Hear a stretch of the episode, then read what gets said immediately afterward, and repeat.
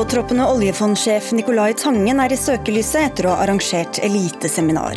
Trist å bli mistenkeliggjort for noe som overhodet ikke er mistenkelig, sier Tangen selv. Kunnskapsminister Guri Melby vil ha mindre grupper og streng hygiene når skolene åpner igjen. Men Utdanningsforbundet frykter at det ikke er nok lærere til å få det til.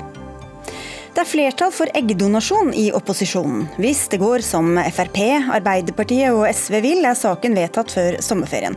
Men KrF har ikke gitt opp kampen. Og Erna Solbergs politiske rådgiver inviterte til utepils og fikk kritikk fra mange hold. Det er tilsynet for høy koronamoral som retter pekefingeren, mener Nettavisens Gunnar Stavrum.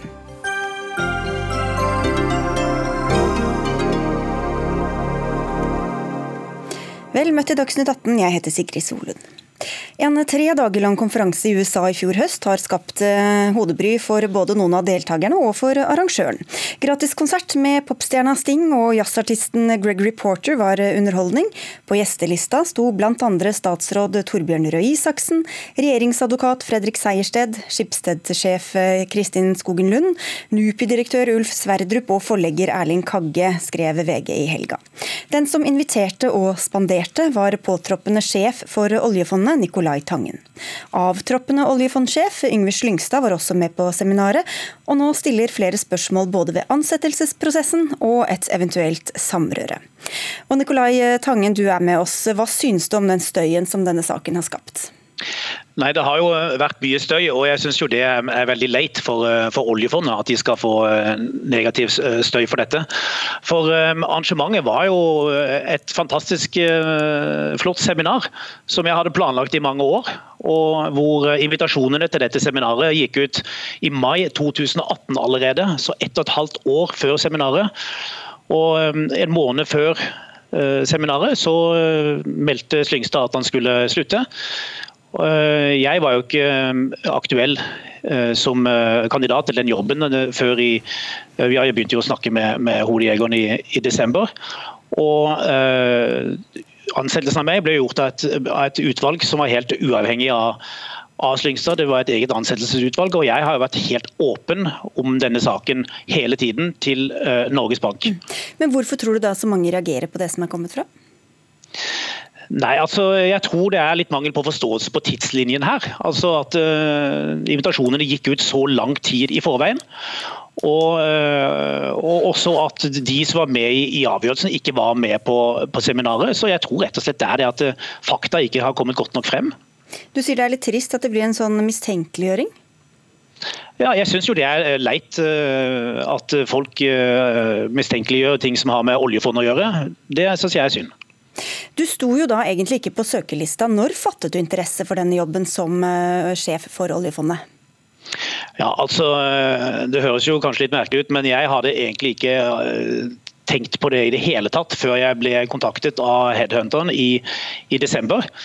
Og da tenkte jeg jøss, det er utrolig interessant potensielt. Og så gjorde, jeg en, eh, gjorde en grundig jobb med å sette meg inn i hva denne jobben egentlig gikk ut på. For den har jo store implikasjoner for, for mitt liv. Jeg flytter jo til, til Norge, og det har jo familiær og skattemessige hensyn osv. Så, videre, så jeg måtte jo tenke meg godt om.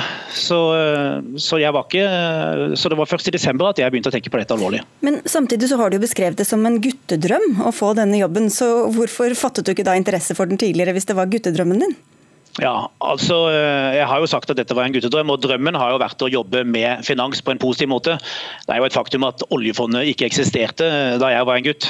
Nei, men en ungdomsdrøm, da? Eller hva besto denne guttedrømmen i? Nei, drømmen består i dette her å drive finans og gjøre, gjøre, bruke finans til noe positivt. Det er jo det jeg har gjort i, i AK Capital. Vi driver jo kapital for mange av de fineste og flotteste institusjonene og universiteter og kreftforskningsinstitusjoner på verdensbasis. Og jeg tenker jo også at oljefondet er jo på en måte det beste i Norge. Og, og, en fantastisk ære og, og ansvar å, forvalte. Men da er jo dette en, en, drømmejobb som du også har beskrevet det som. Så hva tenkte du da du hørte at, at Slyngstad skulle gi seg? Ja, da, jeg, da, var jeg jo styreformann i, i AKO Capital og holdt på med det, og hadde helt andre planer uh, om uh, hva jeg skulle gjøre med resten av livet mitt enn en den jobben. Det høres kanskje ut som jeg er litt tjukk i huet, Men det der gikk faktisk ikke helt opp for meg før headhunteren stilte spørsmålet. Mm. I går sa du til Dagsrevyen at du ikke hadde kontakt med Slyngstad mellom dette seminaret i fjor høst og etter at du fikk jobben som sjef for oljefondet. Så hvorfor nevnte du ikke det at, som Dagens Næringsliv også skriver om i dag, at du sendte ham en e-post og ba om et møte og foreslo en rekke datoer? Nei, altså Spørsmålet var om jeg hadde snakket med Yngve Slyngstad eh, mellom seminaret og ansettelsen, og det har jeg da ikke. Jeg sendte en takk eh, for at han ble med på seminaret etterpå. Og så er jo jeg en veldig grunn, eh, altså jeg er en veldig eh, grundig og og øh, systematisk person. Så når det gjaldt å sette seg inn i øh, denne jobben og den rollen, så er det jo ingen som kan den bedre enn Yngve Slyngstad. Så øh, på samme måte som vi gjør investeringer i AKO Capital, hvor vi intervjuer en masse mennesker og gjør enormt mye bakgrunnsarbeid, så gjorde jeg også det med denne jobben. Så jeg intervjuet vel 20 stykker, tenker jeg som hadde forskjellige inngangsverdier til, eh, til, den jobben. Og da, eh, Som en del av dette så sendte jeg også en e-mail til Yngve Slyngstad og lurte på om han hadde lyst til å eh, om han hadde tid til å treffe meg 30 minutter for å fortelle hva egentlig jobben gikk ut på. Og Jeg avklarte dette også med, med headhunteren før jeg, sendt, før jeg potensielt skulle gjøre disse intervjuene med alle disse menneskene. Hvorfor var Yngve Slyngstad blant dem som du ønsket å invitere med på dette seminaret? Fordi oljefondet er jo noe helt fantastisk. Og eh, På dette seminaret så var det 150 mennesker, hvorav en 30-40 mennesker fra, eh, fra, Norge. Og Oljefondet er jo det flotteste vi har i landet. og Derfor var det jo så fantastisk å ha med, ha med Slyngstad. fordi Han skulle jo da snakke om på en måte hvordan kapitalismen kan se ut i fremtiden. Og var i dialog med sjefen for dette som heter Apollo, som er et av verdens største eh, investeringsselskaper, men som på en måte har en helt annet syn på, på verden og på kapitalismen. og det var da eh, rektoren på Wharton som var moderator på det panelet. Så det var jo fantastisk interessant å få høre hva disse to mente om fremtiden for, eh, for finansverdenen. Eh, Norges Bank har lagt ut hele korrespondansen din med Yngve Slyngstad, både om dette og mange andre ting. Og Da skriver du at han gjerne må ta med sin kone, og at det blir anledning til å betale for kostnader selv for dem som vil. Og Da du inviterte da ham, Fredrik Sejersted, Mona Juel, Ulf Sverdrup, Torbjørn Røe inviterte du dem da som privatpersoner eller som profesjonelle? Profesjonelle aktører? Ja, Det er jo eh, på en måte litt av hvert. Ehm, la oss ta en sånn som Fredrik Sejersted, som er min beste venn. Vi uh, møtte hverandre i militæret for 34 år siden og uh, studerte russiske gloser sammen. og Bodde i telt og ble veldig gode venner og uh, har vært hverandres forlovere. Og er faddere for hverandres barn. Så han er jo en utrolig nær venn. og Jeg hadde jo invitert han med uansett hva han drev med. Hvem betalte for ham, da? Det betalte jeg. Men tenkte du, altså, du, du, sa samtidig at du ønsket at eh, folk ikke skulle legge det ut på sosiale medier. Det, det var et lukket arrangement. Eh, hvordan skal folk vite i Norge om eventuelle bindinger, eh, hvem som var der som privatperson, hvem som var der som offisielle personer, når alt er så hemmelig? Nei, altså Det var jo ikke noe som var hemmelig, men grunnen til at uh, man ikke skal legge ting ut på sosiale medier, er noe som man har en lang tradisjon med i England, som heter Chatham House Rules. Og Det er det at det som blir diskutert på sånne konferanser, ikke skal ut, for da tør ikke folk å si hva de mener. Her var det jo mange mennesker som hadde mye sterke syn på forskjellige ting. Og hvis dette her skulle liksom bli tvitret ut eller uh, bli sendt ut på, på Facebook, så hadde man jo ikke fått noe skikkelig diskusjon, og da hadde det jo ikke vært noe poeng å møtes. Er det noe uh, litt unorsk tror du, ved dette som gjør at det blir såpass mye oppstandelse om det her til lands? Ja, jeg tror, eh, jeg tror, nok dessverre det er litt det. og Jeg har jo bodd eh, utenfor Norge ganske lenge. Ehm, jeg lærte jo av min mor da, at eh, det man skal gjøre er å gi bort det fineste man har. og Det er jo på en måte en leveregel jeg har. da. Så jeg har jo gitt bort all kunsten min eh, til, til Kristiansand, hvor de skal lage en kunstsilo. Eh, jeg gir jo bort mesteparten av det jeg tjener til en veldedig stiftelse. Det har jeg gjort de siste tre årene. Og nå tenkte jeg at jeg skulle gi bort det fineste jeg kan tenke meg, og det mest eh, intelligente som, eh, som jeg kunne få til, som var å lage dette seminaret og denne konferansen. Og Det som er kult med den konferansen, var jo det at eh, her tok man jo for seg de tingene som jeg syns er mest interessant i livet. Og Det er finans, det er sosialpsykologi, det er kunst, det er arkitektur, det er mat, det er musikk, det er denne type ting. Så det var jo et veldig bredt sammensatt, sammensatt seminar som jeg hadde brukt to år av mitt liv på å lage. Og Snart skal du forvalte enorme summer på vegne av det norske samfunnet, men hva sier denne saken om hvor godt du skjønner og kjenner det samme samfunnet? Nei, Jeg kjenner det norske samfunnet ganske godt. Jeg er jo gift med norsk kone og bruker masse tid i Norge i ferie og har eh, norske venner osv. Men det er jo helt klart at eh, mitt tidligere liv eh, som finansperson i London, hvor jeg da kunne lage sånne seminarer som det, det er jo, det er jo fortiden. Det, det, blir ikke, det, blir ikke, flere sånne seminarer, altså. Kan det komme andre overskrifter nå framover, tror du? Nei, Jeg håper ikke det skal bli så mange overskrifter. Men det er klart at uh, altså, jeg har vært helt åpent med Den norske bank hele veien. og uh, men det er klart at de kan jo skrive om ting som jeg da allerede har, har opplyst Den norske bank. altså Headhunteren han er fra Kristiansand og han ble brukt til å, som rådgiver i forbindelse med, med ansettelsen av direktør for Kristiansand kunstmuseum. Jeg hadde en fin 50-årsdag sammen med min kone, jeg har en fin seilbåt. Det var en islandsk eh, banksjef som sa stygge ting om, eh, om firmaet mitt under finanskrisen. Altså, hvem vet? Men eh, jeg vil jo håpe at, at liksom katta er ute av sekken nå, snart. Vi får se om det, det, kommer mer lyd fra sekken. Takk skal du ha, Nicolai Tangen, for at du var med i eh, Dagsnytt 18. Det var altså mange kjente deltakere på dette seminaret som jeg nevnte, og en del av dem var Nicolai Tangens gamle venner. En av dem er deg, Henrik Syse. Du er medlem av Nobelkomiteen, forsker ved PRIO, Institutt for fredsforskning osv. osv. Hvilket inntrykk mener du gis av denne turen som, som du mener at ikke stemmer? Før jeg sier noe om det, så vil jeg si at jeg syns det er veldig fint vi har denne debatten. Selvsagt skal vi ha det. Det er utrolig viktig at vi snur hver stein når vi skal ansette noe så viktig som en sjef for eh, Statens pensjonsfond utland. Eh, jeg syns det er et veldig rart inntrykk som gis, for jeg kjenner meg ikke igjen i det. Jeg som var der, jeg arbeider jo med etikk og samfunnsansvar. og Jeg kan love at mine varsellamper de pleier å gå på ganske tidlig når det gjelder sånne ting. Jeg ser etiske problemstillinger der andre ikke ser noen ting.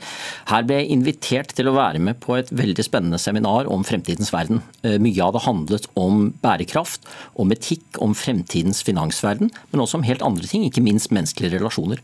Det syns jeg var enestående at han faktisk ville lage et sånt seminar som han inviterte til for at vi skulle diskutere og lære av hverandre. Det er det han ville, og det var det jeg opplevde. Og da kunne jeg stille meg selv spørsmålet bør jeg stille opp på det? Og svaret mitt var ja, det har jeg noe å lære av, og jeg håper jeg kan lære noe av andre. Men samtidig så er jo dette en, et lukket forum, hvor flere av menneskene som deltar, har veldig viktige posisjoner i samfunnet. Og likevel var det ingen av de etiske varsellampene dine som du mente burde ringe. Det var ikke mer lukket enn at det var et seminar for dem som var invitert. Det er jeg jevnlig med på. Jeg var nylig med på en sånn rundebordssamtale med Francis Fukuyama som var i Oslo. Kjempespennende. Jeg tror det var tolv stykker som var bedt om å være med på en sånn samtale. Her var det 150 stykker. Massevis av mennesker. Vi hørte ikke om det før nå, da? Nei, men eh, det var fordi det var ikke noe som ble annonsert i pressen. Men i det øyeblikk noen av oss er spurt, så forteller vi da om det. Eh, hvis vi skulle fortalt om alle seminarer som skjedde, så hadde dere mye å skrive om. Eh, dette er ikke lukket på den måten, men det er et diskusjonsforum som er egnet for nettopp den type samtale man kan ha, som også Nicolai Tangen sa, ut fra disse Chatham House Rules, hvor det er ikke sånn at man siterer hverandre, men man deler tanker som man så tar med seg videre ut. Så jeg kjenner meg ikke igjen i lukket lukket og luksuriøst. Jeg kan love at dette var en beinhard weekend med jobbing. Det var seminarer dagen lang. Og god mat å drikke og fine konserter, da. Ja, det var det. det var det. Og de okay. konsertene var helt spesielle, det er riktig. Men hvis jeg sammenligner med andre seminarer jeg har vært på, så er det ikke uvanlig at det er en type uh, mat f.eks. som er god, fin og hyggelig. Så det, det var det her òg. Okay, men uh, vi skal videre her også, men bare først til dette som jeg var inne på med private og offentlig. Uh, dere har vel hatt med hverandre å gjøre både i privat og i jobbsammenheng, du og Tangen. Men opplevde du da at de andre som var der, var der i arbeidsøyemed, eller at de var der som privatpersoner? De var der som ressurspersoner. De var der som mennesker som har posisjoner eller som har kunnskap som er verdt å dele med andre. Det var det de var der som. Og Det er ikke så lett å definere akkurat hva det er, men det er jo ikke noe skjult med det. Altså, Deltakerlisten sto på alle programmene som ble delt ut på e-post, og jeg tror ikke det er veldig vanskelig å finne ut av hvem det var som var der. Og, øh, så, så øh, det er en blanding, og det er en blanding som er helt uproblematisk etisk sett.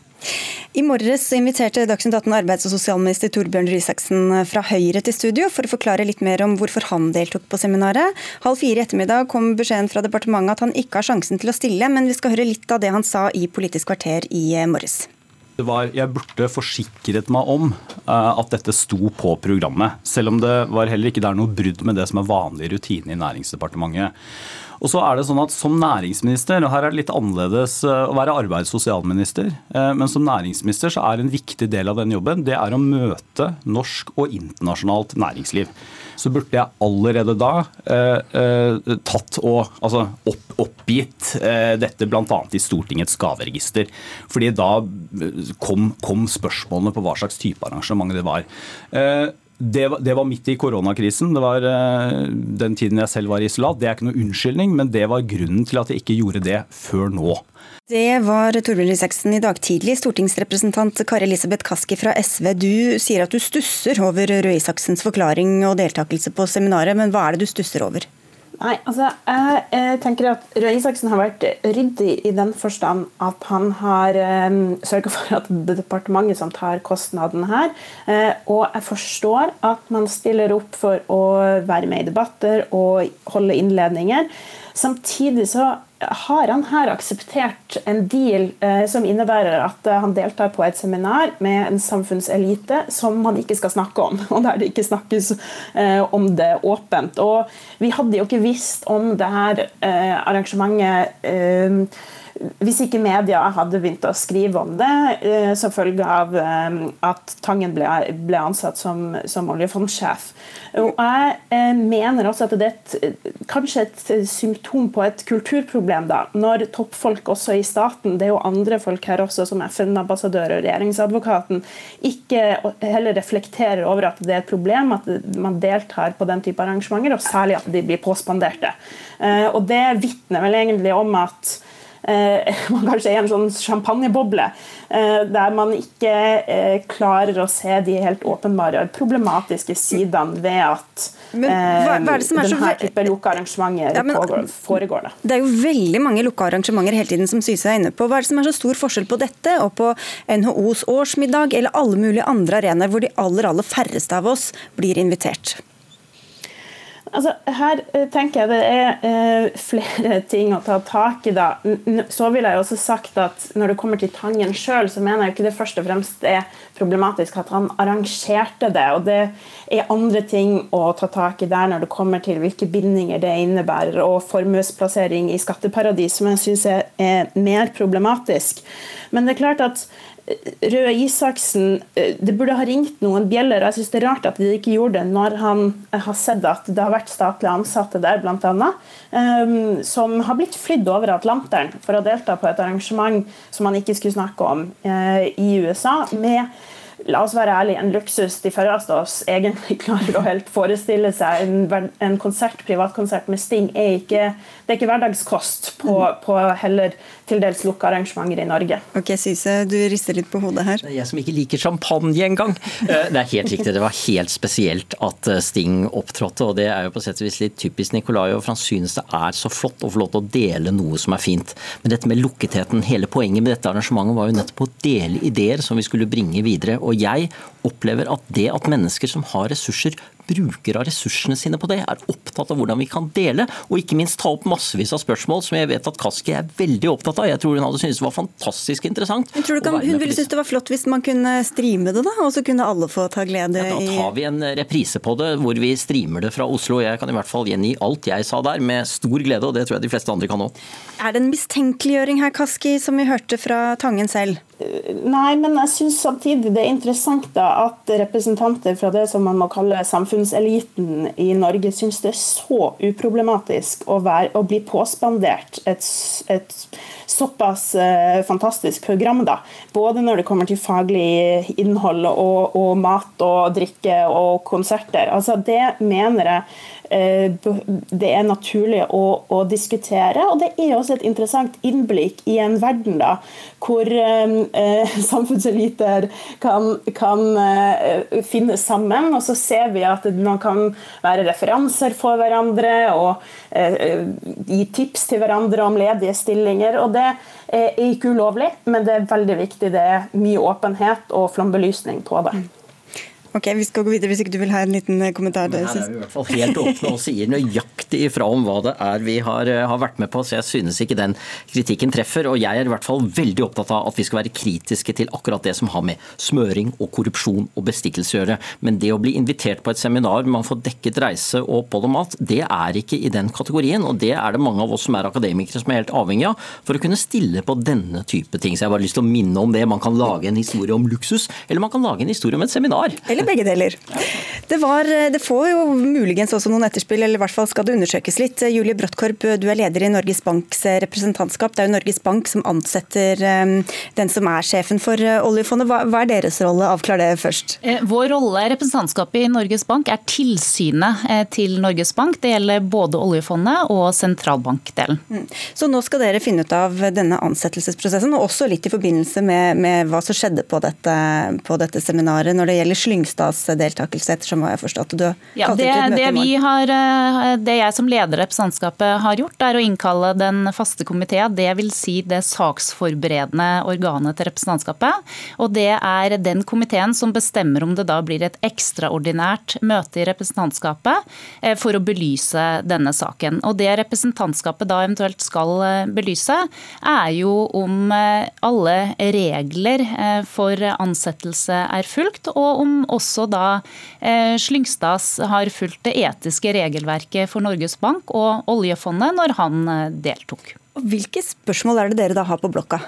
Det første som, eh, som, vi da eventuelt vil be om, hvis den faste komité bestemmer at vi skal ha et ekstraordinært møte, er jo å få en redegjørelse fra sentralbanksjefen. Og ut fra hva han informerer om i den redegjørelsen, vil det da komme oppfølgingsspørsmål fra representantskapet. Noe av det som det har vært skrevet om nå, er jo at Yngve Slyngstad, den nåværende oljefondsjefen, tok Tangens privatfly eh, hjem fra dette seminaret. Nå sier Norges Bank at den vil betale for Slyngstads opphold og reise på seminaret, sånn at skattebetalerne må betale for det i stedet for at Tangen må gjøre det. Eh, er det et sentralt punkt for dere? Altså det sentrale punktet for oss eh, og vår oppgave oppgave i det hele er å sørge for eh, at den norske befolkning kan ha tillit til Norges Bank. Derfor har også Norges Bank et eget tilsyn. Eh, så Det som er vår oppgave da, er å gå igjennom eh, regelverket og se om det er fullt i denne prosessen, og om regelverket som er satt for oljefondet, er fullt i forhold til Slyngstads deltakelse på dette seminaret. Nå er det også sånn at Sentralbanksjefen også sitter i bankens hovedstyre, et styre som tradisjonelt skal overvåke driften. Så hvordan skal han selv passe på at han selv har gjort eh, jobben skikkelig? Det er noe Stortinget har bestemt, at slik er det i eh, Norges eh, Bank. Vi er jo utnevnt på vegne av Stortinget. Det vi kan gjøre, er å stille spørsmål og komme med våre anbefalinger til hovedstyret. Men så er det jo opp til hovedstyret om de vil følge disse anbefalingene. Men her er det jo offentlige protokoller. Mm. Og så skal dere ha møte i morgen, og hva blir gangen videre da? Dersom dere ber om Dersom vi da ber om møte, så vil vi så snart som mulig innkalle representantskapet til møte og få en redegjørelse fra eh, sentralbanksjefen med oppfølgingsspørsmål. Da får vi se hva dere lander på. Takk skal du ha, Julie Brottkorp, som er leder i Norges Banks representantskap, til eh, Henrik eh, Syse, som er både medlem av Nobelkomiteen og forsker og filosof og det ene og det andre, og til SVs Kari Elisabeth Kaski.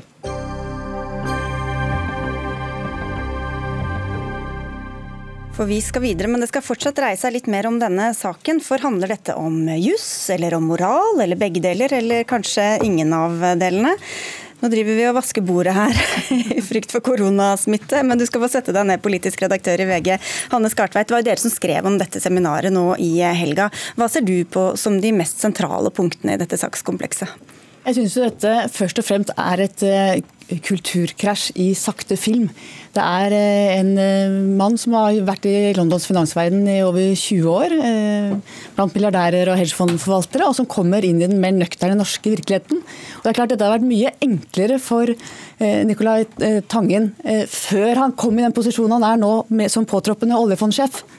Og så forklarte jo uh, Tangen selv at uh, han sendte invitasjon lenge før det ble klart at Slyngstad skulle gi seg, mens, og seminaret ble avholdt etter at dette ble kjent. Uh, men er det noe av dette som svekker Tangen selv, eller er det de som er ansatt osv. som potensielt har noe å svare for?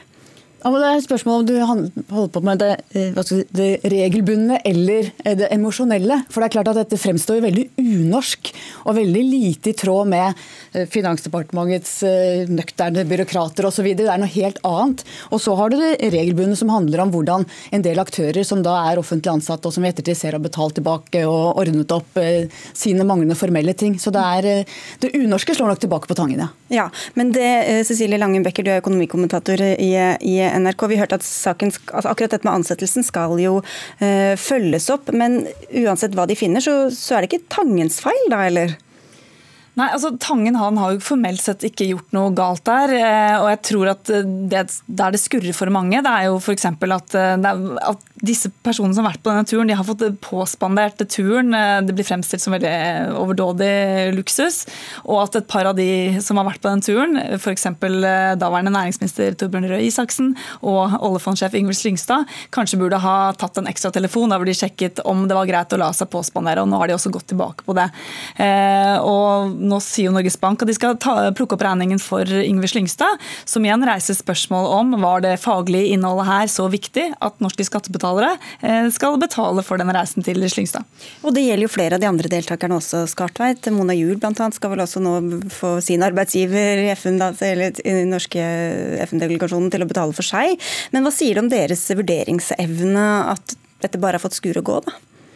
Jeg syns det er rart. For det er jo veldig strenge regler. I likhet med pressen så er det også i offentlig forvaltning veldig strenge regler på hva du kan ta imot. Du skal betale reisene dine selv, du skal betale opphold selv, du skal ikke ha noen bindinger. Og det er jo Regelverket er jo at du kan knapt ta imot en flaske vin hvis du er offentlig ansatt eh, i embets medfør. Så det er klart at når de ikke har hatt noen varselrampe på at her burde de ha nettopp sett skal de betale det selv, sjekka med overordnede, så er det dårlig dømmekraft. Mm. Men da, har vi da skjønt om de var der som ressurspersoner, sier Henrik Syse. Kan man si det sånn? At man verken er privat eller i embets medfør når man er på sånne ting? Ja, og det er, jo, det er, jo, det som er mye av problemet her. For Mange sier ja, men jeg var jo nær venn av Tangen, men var, det, det, var også faglig. Det blir en sånn sammenblanding her som jeg tror folk har vanskelig for å forstå. Og så er det jo også dette med timingen her som folk flest oppfatter som eh, litt problematisk. At man arrangerer dette seminaret da rett før, eh, oppfattes det som, bare noen måneder før Tangen får denne jobben. Og det er jo, man, det er jo ikke noe som eh, tilsier at han fikk denne jobben pga. dette seminaret. Eh, men så ser man også f.eks. Eva Grinde i Dagens Næringsliv kommenterer nå i ettermiddag. Men, da, men der, vi har ikke nok informasjon til å utelukke at han fikk den jobben eh, pga. det seminaret. Ja. Det som gjør det vanskelig også, er jo at eh, selv om invitasjonen ble sendt ut i god tid, det er ingen som mistenker at Tangen laget dette seminaret for å bli sjef for det norske oljefondet. Men når det først ble sånn, og hadde, han ikke sto på den opprinnelige søkelisten, men kom inn spilt etter seminaret, så er det, gjør det at det er noen spørsmål som i hvert fall må få ordentlig svar på. Men tror du det kan få noen følger for noen? Det vet jeg ikke. du, det er flere andre saker vi har hatt også i NRK om, eh, om eh, Tangen, eh, Cecilie Langenbecker, som også handler om manglende åpenhet. Som du kanskje mener er verre enn egentlig dette vi sitter og diskuterer nå?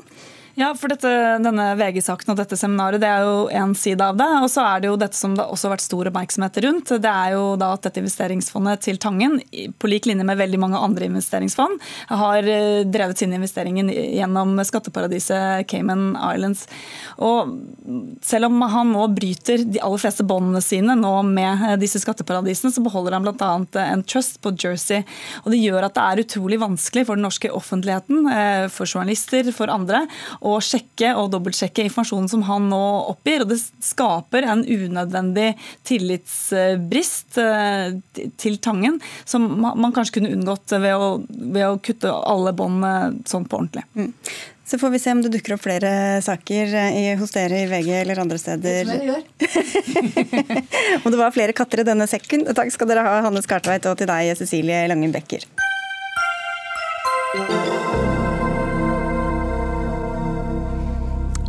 Snart her i Dagsnytt 18 skal vi diskutere eh, en mye, skal vi diskutere en mye omtalt utepils på Nesodden som aldri blei noe av. Men før det skal vi til den gradvise gjenåpningen av landet. For i dag eh, åpnet mange av landets barnehager. Mandag om en uke gjenåpner skolen for første til fjerde klasse og enkelte yrkesfag på videregående skole. Det betyr at omtrent 250 000 norske elever snart kommer til å strømme tilbake til skolebenken. I dag presenterte regjeringa smitteveilederen som skal vise skolene hvordan dette skal gjennomføres.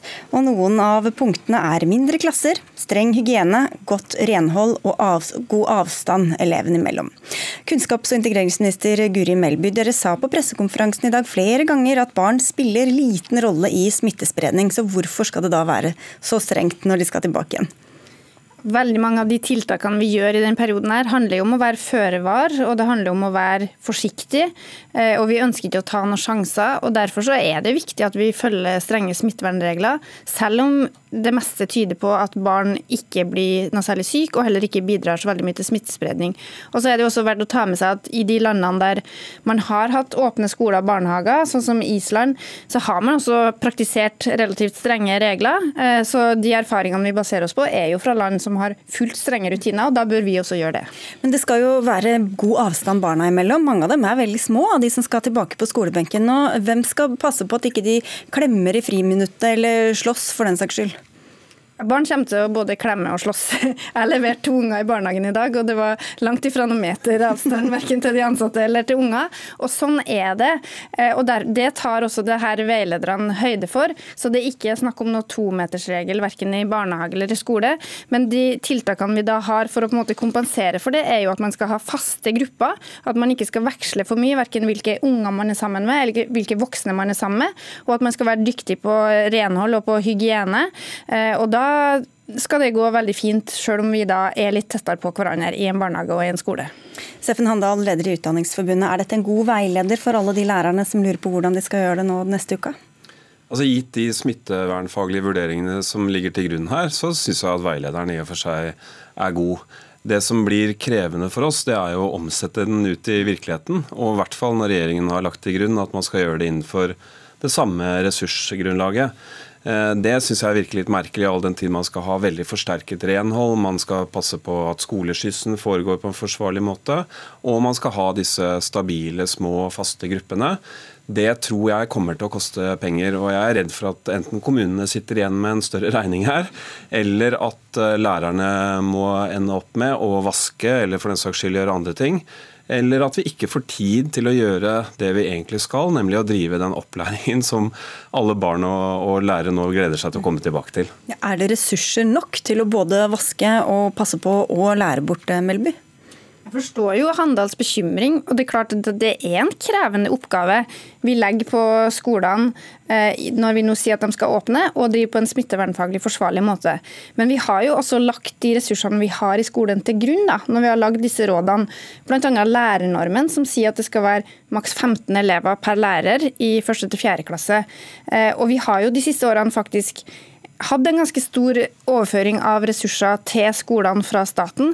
I 2020 så overfører vi 1,4 milliarder til nettopp å bemanne skoler, og også 400 millioner til tidlig innsats. Så Ressurssituasjonen i norsk skole er jo heldigvis bedre enn på veldig lenge, og det gjør jo at vi også står bedre rusta enn vi ville ha gjort for noen år siden. Men jeg vil jo også si at vi vil selvsagt følge med situasjonen nøye. Eh, og det er ikke satt eh, det, det, er ikke umulig at man på et tidspunkt må vurdere å sette inn ekstra ressurser, men jeg synes også det er viktig at vi ser noe litt hvordan det går, og hvordan man greier å løse det her rundt omkring, før vi diskuterer øking av ressurser. Jeg er veldig glad for det kunnskapsministeren nå sier med å følge med. og det, det, tror jeg kan bli viktig her. For det er et enormt puslespill som skal på plass der ute. Og heldigvis har vi en minstenorm for lærertetthet, som du sier. Og, og vi har faktisk styrket ressursinnsatsen. Men det er forskjell på å gjennomsnittsberegne hvor mange elever det skal være per lærer på en skole, og det å faktisk si at ingen grupper skal være større enn 15, eh, det ikke sant, bare der. Man kan jo dele det inn helt annerledes eh, vanligvis, eh, hvor man f.eks. skal ta ekstra vare på noen elever. Nettopp. Så hvem vil, kan dette gå utover? Potensielt litt ledende spørsmål. Ja, det, man kan jo frykte at dette går utover de som trenger mest oppfølging. Men det er som Guri Melby også sier, at vi, vi er nødt til å se hvordan dette går. Og Det er også her en X-faktor med hvor mange elever velger faktisk å komme tilbake. Eh, så jeg er veldig spent på hvordan dette går, og jeg er glad for at eh, kunnskapsministeren ikke utelukker at vi kan bruke mer ressurser, og at vi må komme tilbake til dette underveis. Det, det tror jeg er to veldig, veldig viktige forutsetninger. Jeg har lyst til å understreke to ting. For det første så er ikke det, det er ikke et tak på 15 elever. Eh, man må gjøre vurderinger ut fra situasjoner. Hvis man f.eks. er utendørs og har god plass, så er det mulig å være litt flere elever. Det viktige er at man ikke varierer for mye. Man har også sagt at to sånne grupper kan samarbeide. Sånn at to grupper med 15 elever kan samarbeide med da, to lærere. Jeg er jo veldig enig med Steffen Handal at vi, vi kan ikke havne i en situasjon der det er de mest sårbare elevene som nå mister ressursene sine. Og så har jeg lyst til å si en ting til. at Du skulle si to ting. Når du sagt to ting. men jeg, vil, bare jeg tror han er nemlig veldig enig med meg og understreker poenget med at vi har opplæringsplikt i Norge. Og det er trygt å sende ungene på skolen, og det håper jeg virkelig alle sammen gjør. Ja, nei, eh, igjen, Jeg tror faktisk at dette kan bli vanskeligere enn det statsråden sier nå, å få det til. Eh, og eh, Vi må huske på det at det går veldig mange ulike elever i disse gruppene, og de har veldig ulike behov. Og det at én lærer skal følge opp den samme gruppa hele tiden, det kan gjøre at det blir utfordrende å f.eks. bruke faglærere osv. Så, videre. mm. så her er det et kjempestort puslespill. Eh, og jeg frykter jo at vi kommer ut av dette med en regning som enten lærerne sitter igjen med, kommunene sitter igjen med, eller at vi faktisk går på bekostning av de smittevernreglene. For jeg blir bekymra når statsråden sier at man kan gå ut over de eh, maks 15 elevene. For da begynner nok uroen å melde seg igjen, både hos de som er ansatte, men også hos foreldre. Jeg trodde at de reglene var satt ut fra smittevernfaglige hensyn. og der, Når man begynner å lempe på dem, da oppstår usikkerheten. Så jeg tror vi er tjent med å holde oss til de retningslinjene som smittevernmyndighetene har satt her. Jeg mener jo Vi har gitt veldig klare rammer for hvordan opplæringa skal foregå, men jeg syns også det er viktig at vi gir rom for en viss fleksibilitet. Eh, at ikke vi lager regler som blir så rigid at det går på bekostning av opplæring, uten at vi oppnår noe mer smittevernfaglig sett. Og det, det er jo vanskelig å tenke seg at det umiddelbart blir veldig mye farligere om det i en situasjon er 16 elever i stedet for 15. Eh, hvis det er det som skal til for å få ei gruppe til å gå opp, og hvis det er det som skal til for at man greier å beholde ressurser på den ene eleven som trenger trenger noe ekstra. Så vi kan ikke lage regler som blir altfor rigide. Da vil vi få veldig mange uheldige konsekvenser rundt omkring i landet. Det jeg tror både skoleledere og lærere er redd for, er at de ikke har den smittevernfaglige kompetansen til å vurdere når kan vi gå utover de nasjonale retningslinjene. Derfor må de være tydelige, hvis ikke så sprer usikkerheten seg. Og så er det lærerne som må vaske og sprite og desinfisere underveis, Nei, eller? det skal de ikke. altså, her er det viktig at arbeidsgiver tar rollen sin eh, alvorlig og finner den beste måten å greie å ivareta det her på. Jeg okay, så du er ikke like jeg mener det vil være ganske dårlig ressursbruk å bruke en eh, fagutdanna pedagog til å vaske. men jeg tror også det, altså Man må finne gode løsninger her. Det å involvere f.eks. elevene i renhold av egen pult og av eget materiale mener jeg kan være veldig fornuftig. Eh, og jeg tror jeg man kan finne gode løsninger. Jeg er først og fremst eh, engstelig for at lærerne skal bruke tiden sin på renhold istedenfor å gjøre det vi kan, nemlig å følge opp elevene, gi dem en god undervisning og faktisk god vurdering. Og Det, det må vi konsentrere oss om nå. Da må andre som har kompetanse til det, driver med renholdet. Det, det, er vi veldig enige Det er noen dager igjen. Vi får se hvordan det ender opp på mandag. Takk skal dere ha begge to. Guri Melby, som også er kunnskaps- og integreringsminister, og Steffen Handal, leder for Utdanningsforbundet.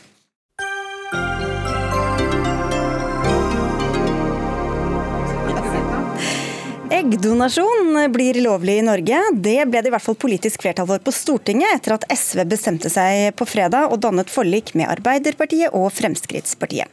Dermed kan Kristelig Folkepartis gjennomslag i Granavolden-plattformen være lite verdt. Tuva Moflag, stortingsrepresentant for Arbeiderpartiet, du sitter i helse- og omsorgskomiteen på Stortinget. Hva konkret er det dere egentlig ble enige om? Altså rammene for denne eggdonasjonen? Mm. Eh, nei, Det som jeg er veldig glad for, er jo at eh, SV har forlatt det standpunktet de hadde for to år siden, med at det kun var såkalte overskuddsegg som kunne brukes. Nå får vi eh, et vedtak som sier at eggdonasjon skal skje mer eller mindre på lik linje som sæddonasjon, sånn at det blir i all hovedsak likestilt. Og Så er det fortsatt noen detaljer som skal på plass, men det blir et veldig godt vedtak. Men slik jeg har forstått det, så skal man Dere vil ikke åpne for kommersiell altså altså Man skal ikke få veldig mye penger for det, men man skal heller ikke kunne drive med sånn altruistisk overfor en søster eller en kusine eller en god venninne. De skal ikke kunne motta egg. Det skal være anonymt. Det er helt riktig. Det vil være anonymt på samme måte som sæddonasjon er i dag. Men så er det jo sånn at når barnet har blitt 15 eh, år, er det det ligger an til i den nye loven, så vil man jo kunne oppsøke sin donor. Og det at man ikke ønsker at det skal være åpent for f.eks. søsken eller venninner, er jo at det kan legge et utilbørlig press på kvinner til å donere sine egg. Og så er vi veldig opptatt av at det ikke skal være et kommersielt marked, men at man får en kompensasjon eh, som står i stil med den innsatsen man har gjort. Det var altså SV som sørget for flertall nå i denne saken, som eh, nevnt. De ville ikke diskutere her i kveld. Eh, Olaug Bollestad, du er første nestleder i Kristelig Folkeparti i denne sammenheng. Ikke kommersielt, ikke presses til å gi til en venninne eller en kusine. Hva er problemet? Sånn I utgangspunktet så sier han, så hører jeg jo at Tuva sier det ikke kommersielt, men de ønsker å gi en 12 000 kroner. Hvis det ikke er det som jeg tenker, så det er jo, For noen kan det være en anselig sum, det er det ene. Men for oss så er det jo prinsippet i utgangspunktet at det er barns rettigheter som går først her, og det er barns rettigheter Og det er Barnekonvensjonen som faktisk er opptatt av det òg i FN. At barn skal ha rett til å ha omsorg fra sine biologiske foreldre i utgangspunktet. Og det vi gjør nå, vi kan jo på en måte ta fra ungene den muligheten til å vokse opp med sine biologiske foreldre. Og Det er i seg selv en verdi som vi setter høyt. Og så er det sånn at det, eh, en legger jo opp til et, eh, et, samfunn som blir annerledes enn det vi har, har hatt òg. Fordi at eh, du kan òg legge opp til ja, et barn kan da risikere å både ha en ukjent far og en ukjent mor. Og det i seg selv, hvis vi vet hva det gjør med unger, så tenker jeg at barnets mulighet eh, blir ikke ivaretatt. For det er de voksne som går foran her, da, eller moflagg?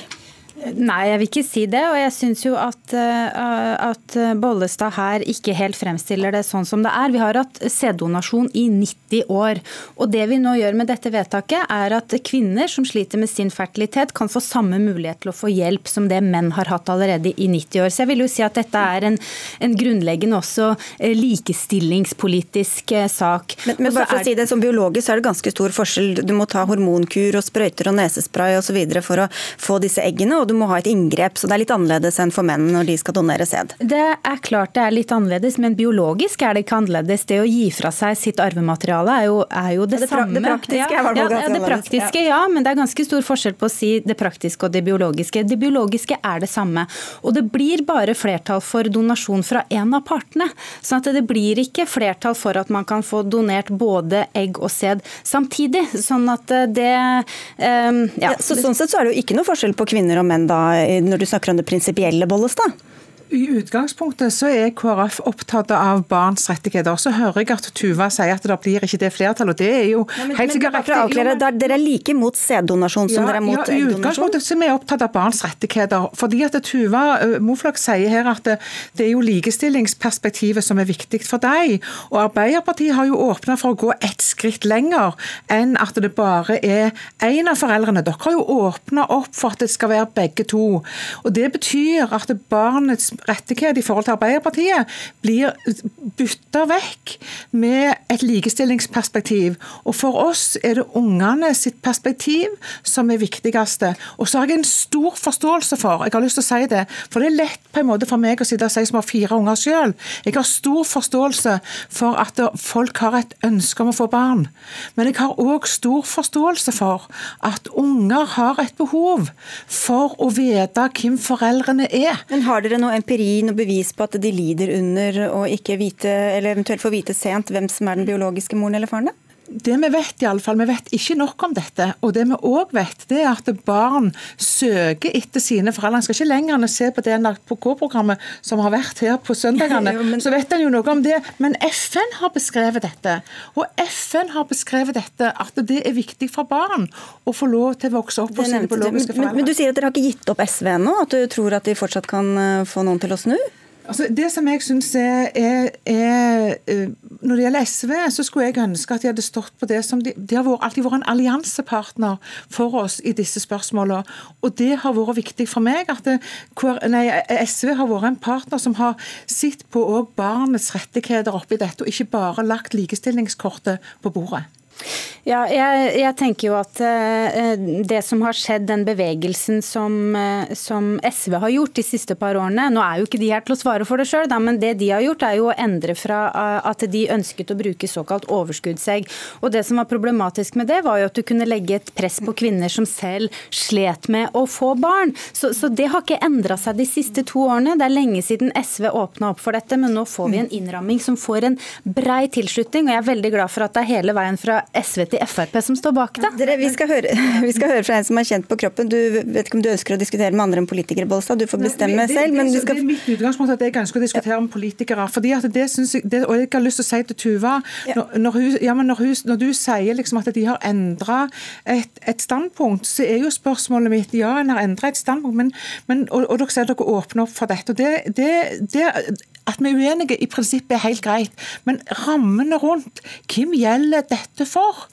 Okay. De er jo ikke klargjort overhodet, egentlig. Takk, Bollestad. Vi skal til deg, Anne Katrine Bornstedt Nyborg. Du fikk kreft i eggstokkene for ti år siden. Da var du 20 år. I sommer skulle du og mannen din dra til Danmark og prøve der, og så kom koronaen. Hva var din reaksjon på fredag, da det ble flertall for eggdonasjon i Norge? Det var en lettelse og et nytt håp om å få hjelp i Norge. Men hva skjedde da du skjønte hva, hva detaljene var? Nei, Jeg har jo fremdeles et håp om at jeg som kvinne kan få hjelp i Norge. Og det er ikke bare mann, folk. For Du sier at denne årelange ventinga har fått deg til å tenke at du er mindre verdt. Hvordan da? Nei, Det er jo mindre verdt komplekset med at jeg er kvinne, så da får ikke jeg hjelp i Norge. Men eh, hadde det vært mannen min, så hadde vi fått hjelp. Men dette, eller altså disse mm, detaljene som jeg var inne på, altså at man må gi anonymt, eh, og at man ikke skal få noe særlig betalt for det. Tror du at nok kvinner vil ønske å, donere bort eggene sine? Ja, det tror jeg. Tror du det, Moflag? Altså, som vi var inne på, at det er en lang hormon, eller i hvert fall en viss hormonbehandling eh, i forkant, og så vet man ikke hvem som skal få egget. Hva skal være insentivet for å gi bort et egg da? Eller flere, da. Dette handler jo om kvinner som tar et selvstendig eh, valg, og dette har menn allerede gjort i 90 år. Så jeg tror nok at det vil være en del kvinner som ønsker å gjøre det. Vi har også hørt fra det fostermedisinske miljøet i Norge at kvinner donerer i utlandet fordi de ikke har muligheten til å gjøre det i Norge. Og så er jo spørsmålet hvordan skal vi få tak i nok egg? Og jeg tenker Nok egg er summen av de eggene som norske kvinner ønsker å donere. Dette skal ikke være et marked hvor vi setter prisen høyere for å rekruttere flere til å bli donorer. Summen av det norske kvinner ønsker å donere av sine egg, det er det vi har tilgjengelig eh, til å hjelpe med. Men Det ble nevnt 12 000 kroner her. Er det summen dere har landa på, eller er det tenkt på et tall? Det er, det er ikke riktig. Vi har snakka om en 8 000-10 000 kroner. Eh, men det er jo en av de tingene som vi nå skal Eh, lande ned på i de neste ukene, og som vi også ønsker en åpen debatt med utsiden på. I og med at dette er en litt spesiell lovbehandling som skal skje i Stortinget uten at departementet har lagt det fram til oss. La oss si at eh, man får egg eh, da, Nyborg. Hva med innvendingene som kom fra Kristelig Folkeparti her? Altså, hvordan skal man fortelle barnet at man ikke egentlig vet hvem som er den biologiske moren? Nei, det er jo som vi har snakka om, at vi må jo bare fortelle det barnet at det var så ønska at vi måtte få hjelp av en annen kvinne som var så snill å hjelpe oss med å få det barnet. Og de som sitter hjemme og tenker hvorfor kan dere ikke heller bare adoptere et barn, hva svarer du til dem? Det er veldig lang ventetid, det er mye mer kostbart. Og ja, det må være i god helse, og det er ikke noe som jeg kanskje stiller så sterkt på.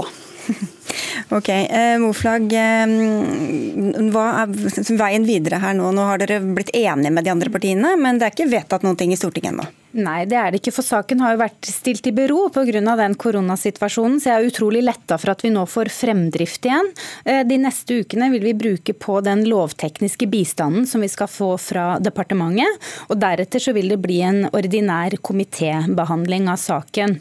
Vi regner med å ha den avgitt i slutten av mai, slik at vi kan få debattert den og få vedtak i Stortinget før, eh, før ferien. Som kanskje ikke blir noe av da, denne ferien, men eh, i hvert fall at det blir i juni at vi får vedtakene på plass.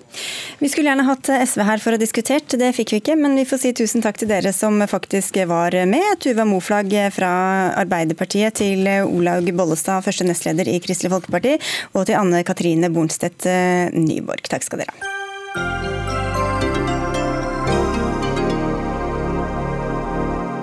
når Sola skinner ute og dagene blir eh, lengre, er det sikkert mange som er frista til å stikke ut og ta en øl. Bor du i Oslo, har du ikke den eh, muligheten, der er nemlig kranene stengt.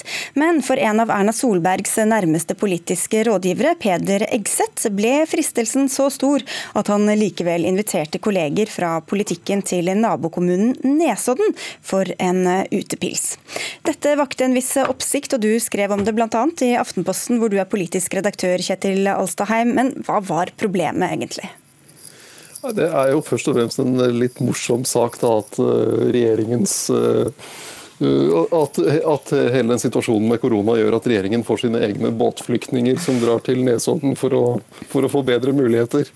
Eh, og så var det, det som var problemet for, for Peder Egseth, som var, da, tok initiativ til dette, og er politisk rådgiver til Erna Solberg, og de han inviterte, er at de er tett på, høyt oppe i et regjeringsapparat som prøver å få hele befolkningen til å følge et ganske strengt regime med smittevernråd.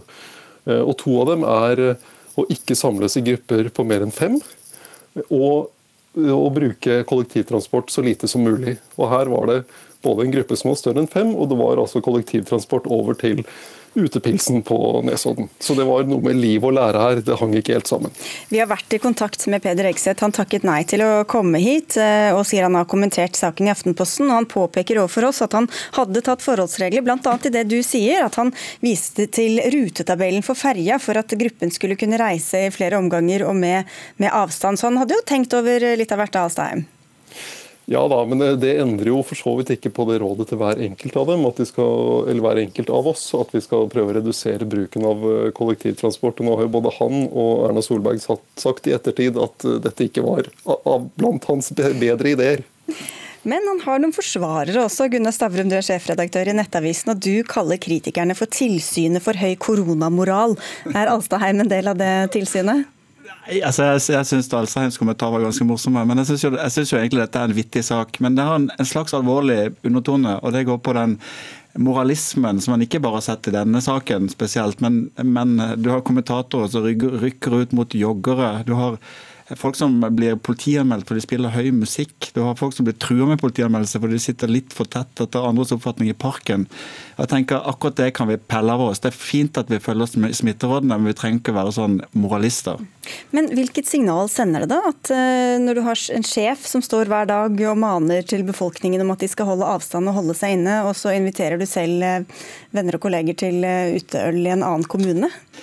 Altså, han har jo selv beklaget saken, så liksom det, det, er vanskelig å si at det var veldig musikalsk gjort. Men det var jo ikke i strid med noen særlig strenge regler. Altså Kommunelegen både i, på, både i Bærum og på Nesodden syns at, at utepils ikke er veldig smittefarlig. Så eh, jeg lurer på om det samme reaksjonen hadde vært der om han hadde foreslått at de skulle dra og ta en kaffe istedenfor, og det, det tror jeg ikke. Alstein? Nei, det, altså det jeg er uh, enig med Stavrum i, er at uh, det at vi skal løpe rundt og være koronapoliti overfor hverandre, og som uh, ja, joggere ble nevnt og turgåere har det vært snakk om, det, det gir ikke et så veldig godt, en god stemning i denne dugnaden som man snakker om. De fleste gjør, så, gjør det beste de kan. Og jeg tror dette blir, altså Én ting er disse som sitter sentralt i regjeringsapparatet, det mener jeg er en liv og lære-sak. Det som blir vanskelig for oss alle nå, tror jeg, når vi skal ta noen forsiktige skritt i retning av et mer normalt samfunn, er at noen vil ønske å gå ganske fort, og andre vil være veldig engstelige. Så er det det å prøve å, å gjøre som best vi kan for å, for å holde situasjonen under kontroll, og at smitten ikke skal ta av igjen. Og også være litt eh, rause med hverandre, for de fleste prøver som best de kan å vaske hender og holde avstand og i det hele tatt. Men Stavrum, du, du, skriver at denne saken løfter problemstillinga som du så vidt var inne på også, om vi blindt må adlyde alle politiske beslutninger i disse spesielle tidene. Og høres ut som du kanskje mener selv at svaret er nei? Ja, altså jeg tenker at eh, For å kreve en lojalitet til, eh, til vedtak, sånn, så må de jo begrunnes rasjonelt. Og Noen av disse vedtakene har jo ikke vært forankra i type smittevernråd fra fagfolk. Så jeg, så jeg tenker at det er ikke sånn at vi er nødt. Det er ikke sånn at det er en dugnad som sier at nå har vi satt demokratiet og debatten i karantene, og vi er alle nødt til å følge, følge ethvert råd. Eh, nå betyr ikke det at ikke jeg mener at vi skal følge smittevernråd, det, det syns jeg absolutt. Men jeg er enig i det som, det som Kjetil Alstein sa her, om at det er sånn La oss nå være litt rause, la oss vise litt slekk. For det, det meste her er litt sunn fornuft. og Vi, vi skjønner at, at det er ikke så veldig farlig om du tar en, tar en pils på, på uterestaurant på Nesodden. Men når du ser at andre ikke bryr seg om eh, reglene, hva skjer da med den felles eh, dugnaden da, som alle snakker om, og viljen til å ville følge reglene selv? Altså jeg ser vel egentlig at de aller fleste følger reglene. Altså De siste månedene har jeg ikke møtt noen som har lyst til å hilse, hilse på meg, møte meg i hånda. Så liksom, jeg, føler vel at folk flest har skjønt at dette er en veldig farlig sykdom, en farlig pandemi, og at de følger smitte, smitterådene. Men så er det jo ikke sånn at, at det er en egen hensikt i å gjøre, folk, gjøre livet så ille som mulig for hverandre. Vi skal prøve å Nettopp for at vi skal holde ut lenge med disse smitterådene, så må vi forsøke også å gjøre livet så normalt og så levelig som mulig. Alstheim, holdt jeg på å si. Ja, Alstheim. ja. ja. ja, og Utgangspunktet for denne, dette fluktforsøket da, fra Oslo til Nesodden var jo at Oslo kommune har, har innført skjenkestopp. Og Det blir jo vanskeligere og vanskeligere nå som det blir eh, varmt og folk vil ut og det fylles opp i parkene. Og Det at man da ikke kan åpne opp igjen, eh, sånn at man får spredt folk som vil ut, ikke bare i parkene, men også på noen utekafeer der de kan ta en korona eller et glass vin eller hva de vil, det, det syns jeg er litt vanskelig å forstå eh, logikken i. Andre byer klarer jo andre steder, greier å ha åpne utesteder. og det, det tror jeg de fleste utestedene i Oslo ville greid å praktisere. og at det, det, det, behovet blir litt prekært når det er så fint vær som det er nå. I hvert fall i Oslo. Men du skriver jo også at folk som jobber med kommunikasjon og informasjon ikke alltid skjønner at det bør være sammenheng mellom liv og lære, og det er det vi har sett et eksempel på her, da, eller? Ja, det var jo det vi så. Altså, det er jo lett å forstå ideen. ikke sant? Du kan tenke dette Oi, vi kan ikke drikke utepils i Oslo, men det er eh, kjempefint vær. La oss dra til Nesodden. Det er litt sånn, eh, det er litt sånn stumpeaktig, dette her. Så, så Han syntes sikkert det var en god idé, men det, da den kom ut i offentligheten, så var det ikke det likevel. Men fordømmelsen ble litt for eh, voldsom, Stavrum? Ja, altså, husk i hvert fall en ting. Ikke send innbydelsen til en journalist i Aftenposten. Hvis du selv hadde fått SMS, da? Jeg blir sjelden invitert på sånne ting med politiske rådgivere, men jeg hadde ikke nølt med å dra til Nesodden og ta en utepils. Nei. Altså, hva med deg? Uh, jeg, jeg, ble jo ikke invitert. Var, uh, så, så, men, men jeg, jeg, tror jeg hadde tenkt meg om. Jeg håper jeg hadde tenkt meg om. Dere, vi har mer tid. vi må fylle sendingen. Hvor mye mer skal vi si om å drikke utepils på Nesodden? Vi kan si litt mer om den første saken vi hadde, om Nicolai Tangen. Det er fristende å spørre deg da, Sigrid Solund. Ville du dratt til Nesodden for å drikke utepils? Jeg ble heller ikke invitert. Ville selvfølgelig aldri ha gjort det. Jeg følger regjeringens råd til punkt og prikke. Nettopp. Statskanalen er til å stole på. Men vi får si tusen takk for at dere var med. Vi prøvde jo å få med Peder Ekseth selv også. Stakkars, han takket nei til å, til å være med. Men eh, dere stilte eh, villig opp. Kjetil B. Altaheim, politisk redaktør i Aftenposten, og Gunnar Stavrum, som altså er sjefredaktør i Nettavisen. Det var Jaran Ree Mikkelsen som hadde ansvaret for innholdet i denne sendingen. Hans Ole Hummelvold hadde det tekniske ansvaret. Mitt navn er Sigrid Elise Solund, og vi er tilbake i morgen til samme tid. Ha en riktig fin kveld.